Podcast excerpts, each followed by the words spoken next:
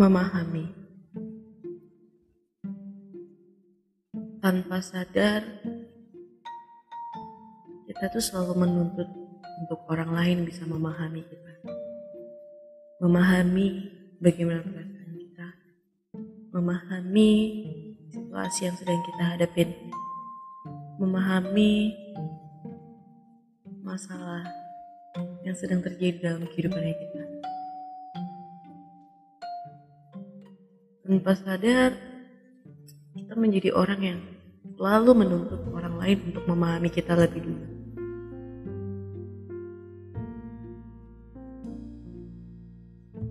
Lelah? Ya, karena pada faktanya nggak semua orang berhasil memahami kita. Dan pada faktanya lebih banyak mereka judge by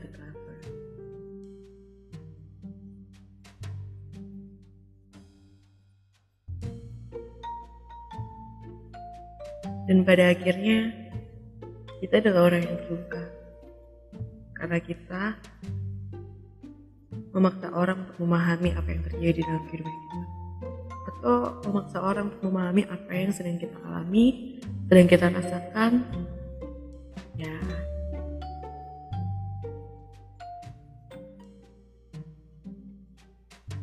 lelah, ya lelah.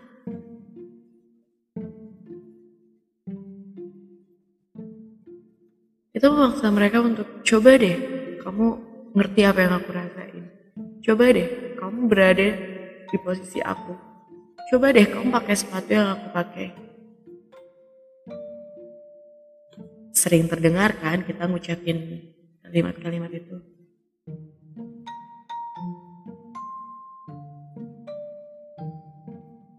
Buat beberapa orang yang mungkin mereka punya empati yang tinggi, ya mereka sedikit lah bisa tahu apa yang kita alami ataupun mereka bisa merasakan apa yang kita rasakan. Tetapi pada faktanya kebanyakan orang kalau mereka nggak mengalami sendiri ataupun mereka nggak merasakan sendiri, susah untuk mereka bisa memahami kita.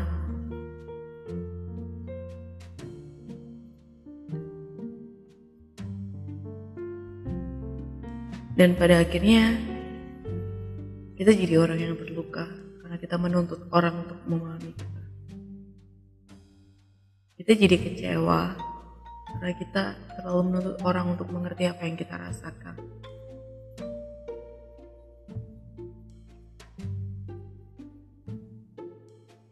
Ya, memahami.